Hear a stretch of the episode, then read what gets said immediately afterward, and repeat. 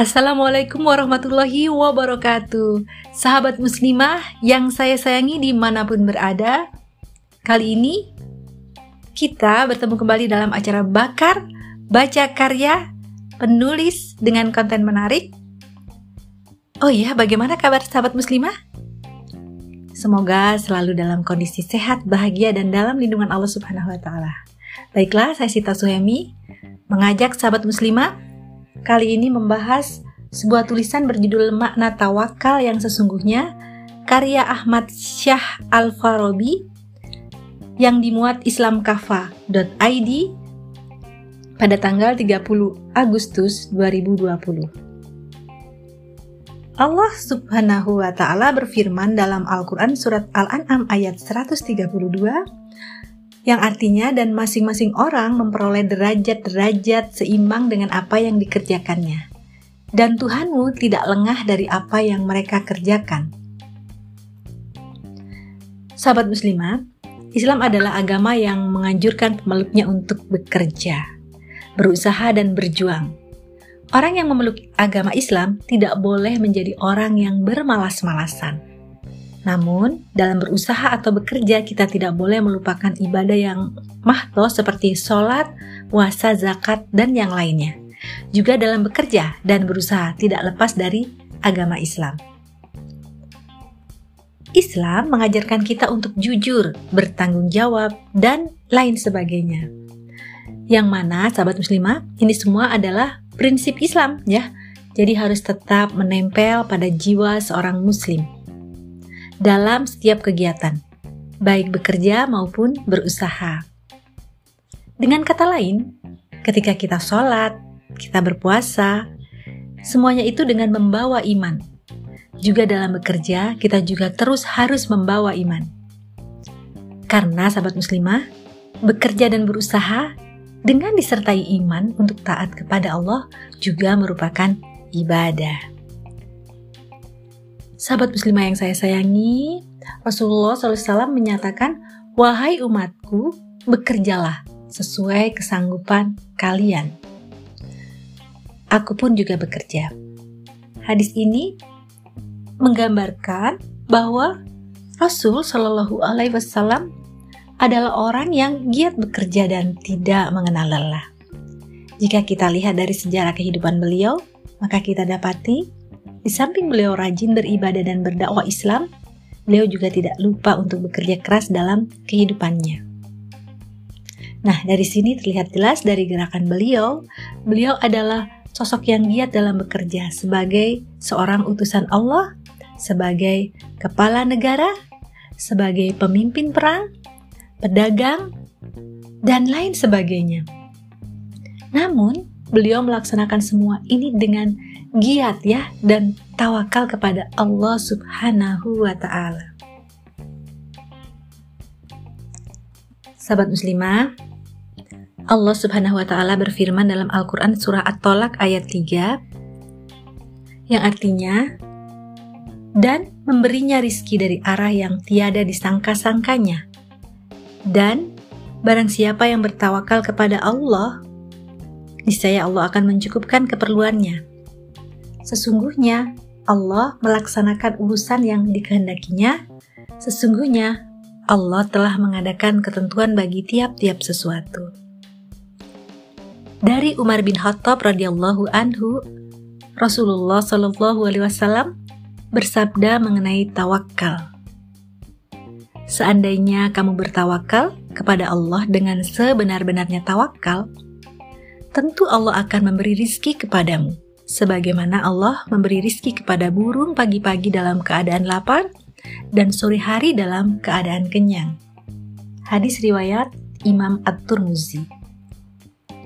Sahabat muslimah, tawakal ini adalah berusaha dengan sungguh-sungguh sejauh batas kemampuan manusia untuk bisa mewujudkan sesuatu yang dia inginkan.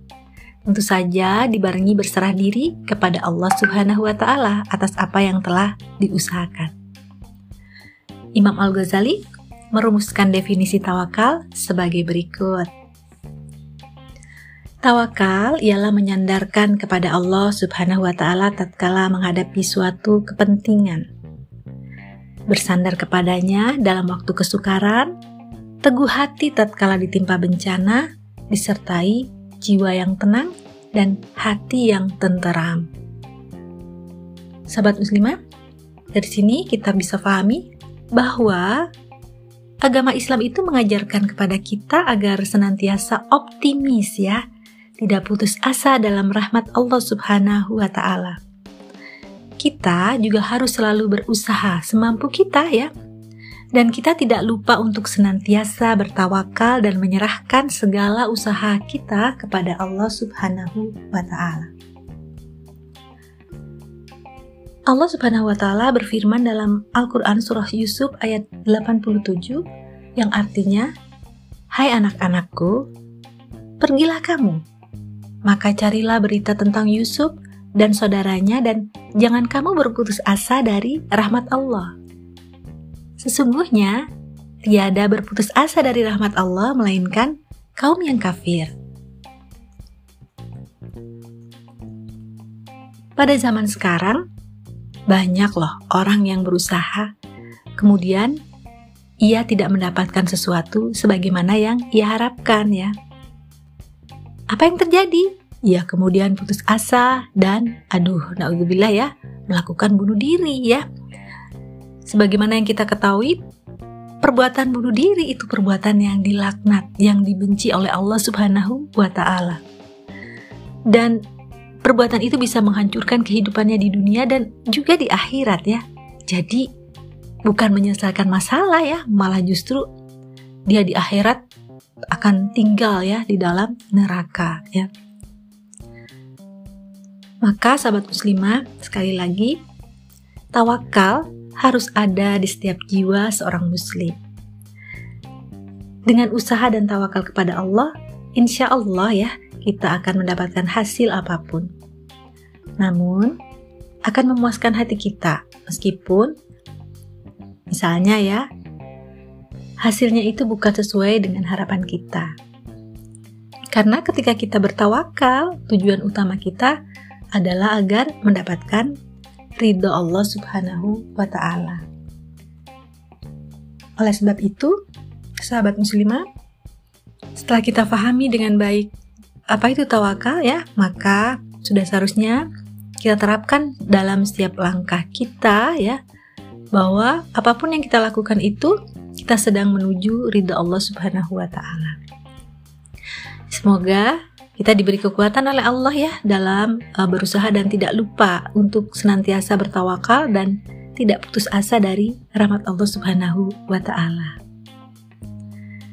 Demikian sahabat muslimah, tulisan yang kita bahas kali ini ya luar biasa ya. Kita jadi bisa memahami bahwa di satu sisi kita memang harus melakukan apa pun ya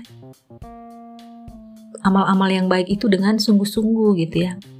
Sementara di sisi lain kita harus senantiasa menghiasi diri kita dengan tawakal kepada Allah, bergantung sepenuhnya kepada Allah. Mengapa ya? Karena tadi sudah dijelaskan dalam tulisan ini, dengan selalu menyandar kepada Allah ya, kita itu akan kuat ya, akan teguh ya ketika menghadapi kesukaran ya, dan hati kita akan menjadi tenang dan tentram begitu ya. Sehingga apa pun hasilnya nanti, kita tidak akan kecewa ya.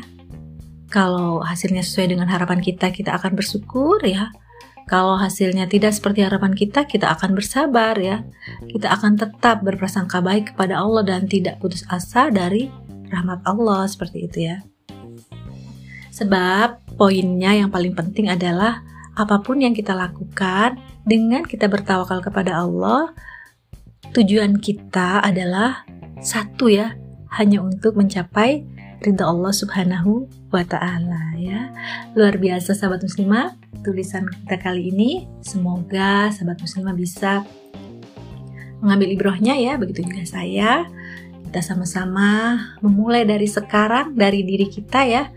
Bagaimana caranya kita tetap selalu optimis, kita tetap selalu giat melakukan kebaikan-kebaikan ya. Dan selalu bersandar kepada Allah yaitu bertawakal untuk meraih ridho Allah Subhanahu wa taala.